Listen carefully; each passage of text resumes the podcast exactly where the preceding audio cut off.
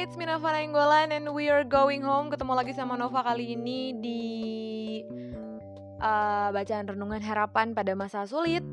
Bagaimana cara untuk terus maju di dunia yang hancur? Kali ini kita udah masuk ke bab 7 nih teman-teman Yang berjudul bagaimana cara bertahan saat ekonomi runtuh Oke, Nova langsung aja bacain ya apa yang kita alami hanyalah permulaan konsekuensi ekonomi jangka panjang akibat COVID-19 pada kehidupan kita pribadi dan keluarga. Konsekuensi jangka pendek yaitu ribuan orang yang meninggal dan ratusan ribu orang sakit sudah cukup buruk. Tetapi ada konsekuensi tambahan yang signifikan yang dihadapi masyarakat sekarang. Dampak ekonomi dari pandemi ini memukul banyak keluarga dengan kekuatan penuh. Banyak dari mereka yang menganggur selama krisis akan kembali bekerja, tetapi mereka masih mengalami dampak dari hilangnya pendapatan karena waktu libur mereka dan utang yang mereka keluarkan. Pasar saham anjlok selama pandemi dengan jutaan orang kehilangan hampir seluruh tabungan. Seluruh ekonomi dunia berada di dasar yang sangat goyah dan kita bertanya-tanya, apakah hidup kita akan sama seperti semula? Gambaran ekonomi untuk masa yang akan datang sangat buruk.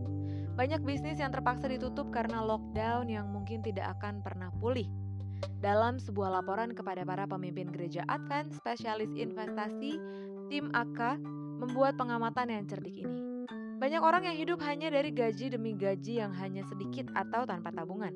Akibat pandemi virus corona telah melemparkan mereka ke dalam dilema keuangan. Tingkat pengangguran di Amerika Serikat mencapai lebih dari 20%, level tertinggi sejak 1934. Produk bruto nasional Eropa turun hampir 15% hanya pada kuartal kedua tahun 2020 saja. Satu laporan menunjukkan bahwa Amerika Serikat dan zona ekonomi Eropa bisa membutuhkan waktu hingga tahun 2023 untuk pulih dari dampak krisis virus corona atau COVID-19. Menurut laporan baru dari konsultan McKinsey and Company, Amerika Latin dan Karibia akan melihat sejarah kontraksi terbesar dalam kegiatan ekonomi pada tahun 2020 karena dampak pandemi virus corona. Sebuah badan PBB mendapatkan peringatan pada hari Selasa 21 April 2020. Menurut Economic Commission for Latin America and the Caribbean atau ECLAC, yang berbasis di Santiago, Chili, efek gabungan dari faktor-faktor eksternal dan domestik yang terkena pandemi akan mengarah pada penyusutan terburuk yang pernah dialami kawasan ini. Ini berarti lebih banyak orang akan keluar dari pekerjaan, lebih banyak perusahaan akan bangkrut, lebih banyak keluarga akan berada di bawah tekanan keuangan yang sangat besar, dan lebih banyak negara akan berjuang untuk menyediakan kebutuhan dasar bagi penduduk mereka. Orang miskin dan kurang mampu akan paling menderita karena mereka bergantung pada upah harian dan tidak memiliki rekening tabungan. Mereka sering kali tidak mampu menyediakan bahkan kebutuhan hidup bagi keluarga mereka. Pasar internasional telah mengalami penurunan yang serius. Lusinan negara dapat segera akan menderita kelaparan hebat akibat virus corona, kata seorang pejabat Perserikatan Bangsa-Bangsa. Kelaparan dari proporsi Alkitabiah mungkin dialami dalam beberapa bulan mendatang, karena faktor-faktor seperti pengurangan bantuan asing, harga minyak dan pariwisata menurut David Beasley, Direktur World Food Program Branch di PBB. Belum ada kelaparan, kata Beasley.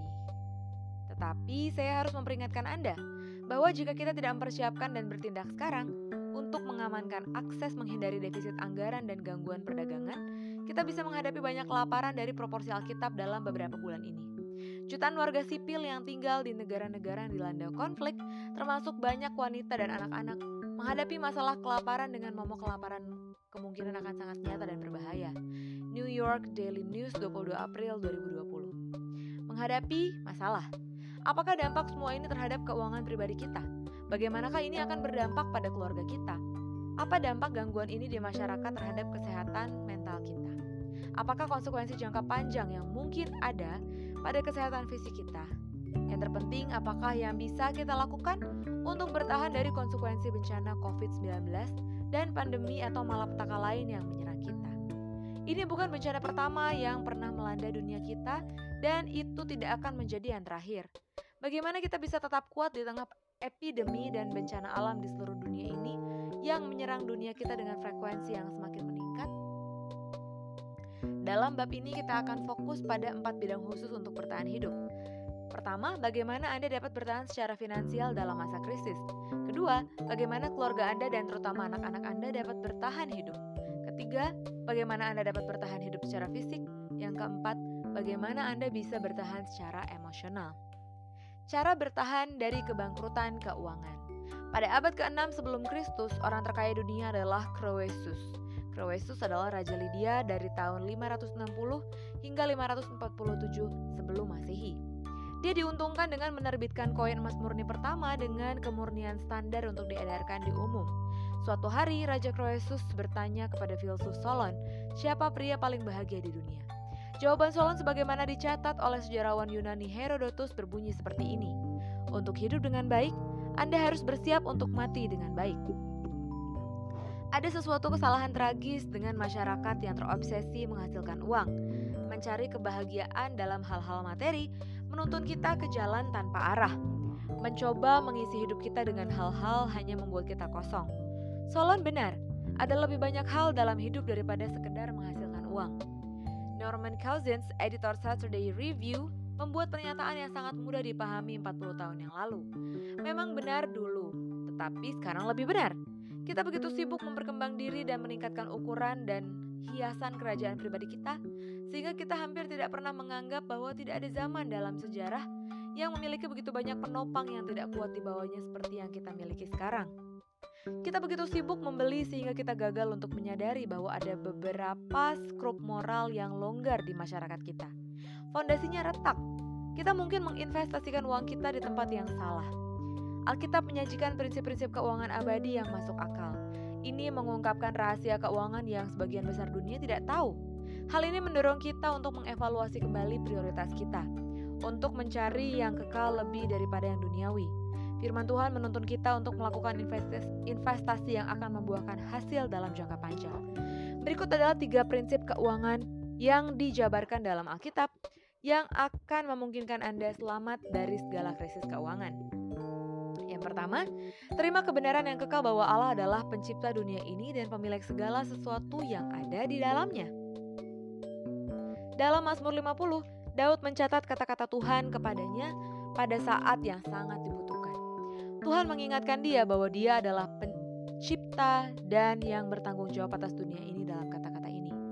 Sebab punya kulah segala bintang, binatang hutan, dan beribu-ribu hewan di gunung. Aku kenal segala burung di udara dan apa yang bergerak di padang adalah dalam kuasaku. Jika aku lapar, tidak usah aku katakan kepadamu, sebab punya kulah dunia dan segala isinya. Mazmur 50 ayat 10 sampai 12. Daud menanggapi keajaiban penciptaan Allah dalam Mazmur 104. Betapa banyak perbuatanmu ya Tuhan, sekaliannya kau jadikan dengan kebijaksanaan, bumi penuh dengan ciptaan. Lihatlah laut itu, besar dan luas wilayahnya. Di situ bergerak tidak terbilang banyaknya. Binatang-binatang yang kecil dan besar. Mazmur 104 ayat 24 dan 25. Nabi Yesaya menambahkan bahwa dalam bahwa dunia adalah milik Allah bukan hanya karena Dia menciptakannya, tetapi karena Dia menebusnya. Beginilah firman Tuhan yang menciptakan engkau, hai Yakub, yang membentuk engkau, hai Israel. Janganlah takut sebab aku telah menebus engkau. Aku telah memanggil engkau dengan namamu. Engkau ini kepunyaanku. Yesaya 43 ayat 1. Ketika Tuhan kita menciptakan dunia ini, dia mempercayakannya kepada Adam. Tuhan memberi Adam kekuasaan atas seluruh ciptaan. Kejadian 1 ayat 26. Ketika Adam berdosa di Eden, ia menyerahkan hak dominasinya kepada Lucifer, malaikat jatuh yang merebut kekuasaan dan mengklaim sebagai Tuhan di bumi. Para penulis Alkitab sering menyebut Lucifer sebagai pangeran dunia ini atau pangeran penguasa di udara. Kehidupan Kristus tanpa dosa dan kematian Kristus sepenuhnya membayar tebusan untuk dosa kita. Di kayu salib, nasib setan dimeteraikan dan pemulihan yang sempurna dijanjikan untuk planet ini. Tuhan adalah pemilik sejati dunia ini, baik melalui penciptaan maupun penebusan. Semua yang kita miliki adalah anugerahnya. Kita adalah penata layan barang yang dipercayakan kepada kita oleh Tuhan. Kita dulu dan sekarang adalah milik Kristus. Dia menciptakan kita dan dia menebus kita. Dunia ini adalah miliknya. Dia membuatnya pada awalnya dan menumpahkan darahnya untuk menebusnya. Dengan memahami konsep ini bahwa Kristus menciptakan kita dan menebus kita, membuat semua perbedaan. Apa yang kita miliki sebenarnya bukan milik kita. Musa memperingatkan kita untuk ingat kepada Tuhan Allahmu, sebab dialah yang memberikan kepadamu kekuatan untuk memperoleh kekayaan dengan maksud meneguhkan perjanjian yang diikrarkannya dengan sumpah kepada nenek moyangmu seperti sekarang ini. Ulangan 8 ayat 18. Bakat yang kita miliki untuk menghasilkan uang datang dari Tuhan. Kemampuan untuk bekerja berasal dari Tuhan. Setiap nafas yang kita hirup berasal dari Tuhan. Dia adalah yang membuka pintu peluang bagi kita untuk bertahan hidup secara ekonomi. Dia adalah penyedia kita penopang kita, dan pendukung kita. Apa yang kita miliki adalah anugerahnya. Semua yang kita miliki adalah miliknya karena dia telah menciptakan kita dan menebus kita. Kita adalah penata layan harta miliknya, bukan pemilik. Rasul Paulus mengklarifikasi hal ini dalam kata-kata ini. Pelayan-pelayan demikian ialah bahwa mereka ternyata dapat dipercayai. 1 Korintus 4 ayat 2 Seorang penata layan adalah orang yang mengelola properti keuangan atau urusan orang lain. Dan itulah kita, penata layan di bawah Allah. Karena kita tidak memiliki dunia ini atau apa pun di dalamnya. Tuhan sebagai pencipta memiliki semuanya. Namun dia menempatkan Adam dan Hawa dan keturunan mereka untuk mengatur semuanya dengan memberi kepada mereka kuasa atas makhluk-makhluk lain dan dengan menempatkan mereka di Taman Eden untuk merawat dan memelihara. Tetapi Paulus mengajarkan kita bahwa sebagai penata layan kita dituntut untuk ditemukan setia dalam segala hal yang kita kelola termasuk keuangan. Yesus menambahkan, barang siapa setia dalam perkara-perkara kecil, ia setia juga dalam perkara-perkara besar. Dan barang siapa tidak benar dalam perkara-perkara kecil, ia tidak benar juga dalam perkara-perkara besar. Lukas 16 ayat 10. Godfrey Davis yang menulis biografi tentang Duke Wellington mengatakan, saya menemukan buku besar rekening lama yang menunjukkan bagaimana Duke menghabiskan uangnya itu adalah petunjuk yang jauh lebih baik tentang apa yang menurutnya benar-benar penting daripada membaca surat atau pidatonya. Bagaimana kita mengelola uang mengungkapkan banyak hal tentang dalamnya komitmen kita kepada Kristus. Itulah sebabnya Yesus sering berbicara tentang uang. Seperenam dari Injil termasuk dari termasuk satu dari setiap tiga perumpamaan menyinggung tentang menangani uang. Yesus bukan penggalang dana, dia menyinggung masalah uang karena masalah uang bagi sebagian dari kita itu terlalu penting. Our Daily Bread 26 Agustus 1993 Yang kedua, percayalah bahwa Allah yang menciptakan Anda dan menebus Anda, peduli untuk Anda dan akan menyediakan untuk Anda. Dalam Filipi 4 ayat 19 kita memiliki janji kekal. Allahku akan memenuhi segala keperluanmu menurut kekayaan dan kemuliaannya dalam Kristus Yesus. Kepada semua yang adalah penata layan yang setia, Allah memberikan kepastian menyediakan kebutuhan mereka. Kebutuhan anak-anak Allah sudah ditanggung oleh Bank Surga. Yesus menyatakan, sebab itu janganlah kamu khawatir dan berkata, apakah yang akan kami makan? Apakah yang akan kami pakai? Tetapi carilah dahulu kerajaan Allah dan kebenarannya, maka semuanya itu akan ditambahkan kepadamu. Pandemi tidak menghapus janji-janji Tuhan. COVID-19 belum menghapus kepastian akan firman kekal Allah. Virus corona tidak harus menyebabkan krisis kepercayaan pada kemampuan Tuhan untuk menyelesaikan masalah kita dan memenuhi kebutuhan kita. Virus ini seharusnya menuntun kita kepada iman yang lebih dalam, kepercayaan yang lebih besar, dan kepercayaan yang lebih aman kepada Tuhan. Di tengah tantangan terbesar kita, janji-janji Allah masih ada. Saya telah melihat hal ini ditunjukkan dengan penuh kuasa dalam hidup saya sendiri. Ayah saya menjadi Advent ketika saya berusia 13 tahun. Sebagai hasil dari komitmennya untuk memelihara sahabat Alkitab, ia kehilangan pekerjaannya.